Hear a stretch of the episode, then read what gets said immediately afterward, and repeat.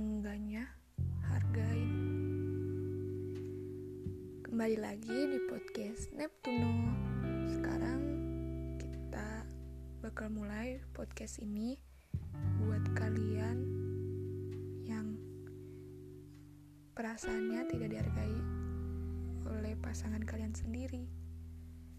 Selamat mendengarkan.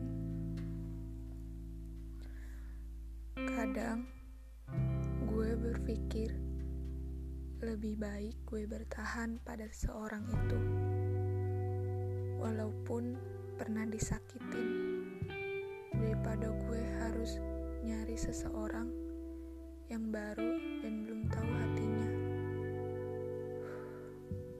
Untuk siapa? Dan jelasnya harus berjuang lagi dari nol. Gue pikir itu cuman buang-buang waktu. Gue lebih baik bertahan dan memperbaiki kesalahan sebelum-sebelumnya. Karena kesempurnaan bukan dicari, tapi dibentuk.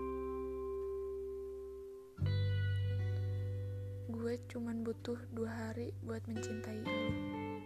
Tapi, kenapa di hari ketiganya, gue sakit hati? Gue bisa nyerah, tapi gue takut.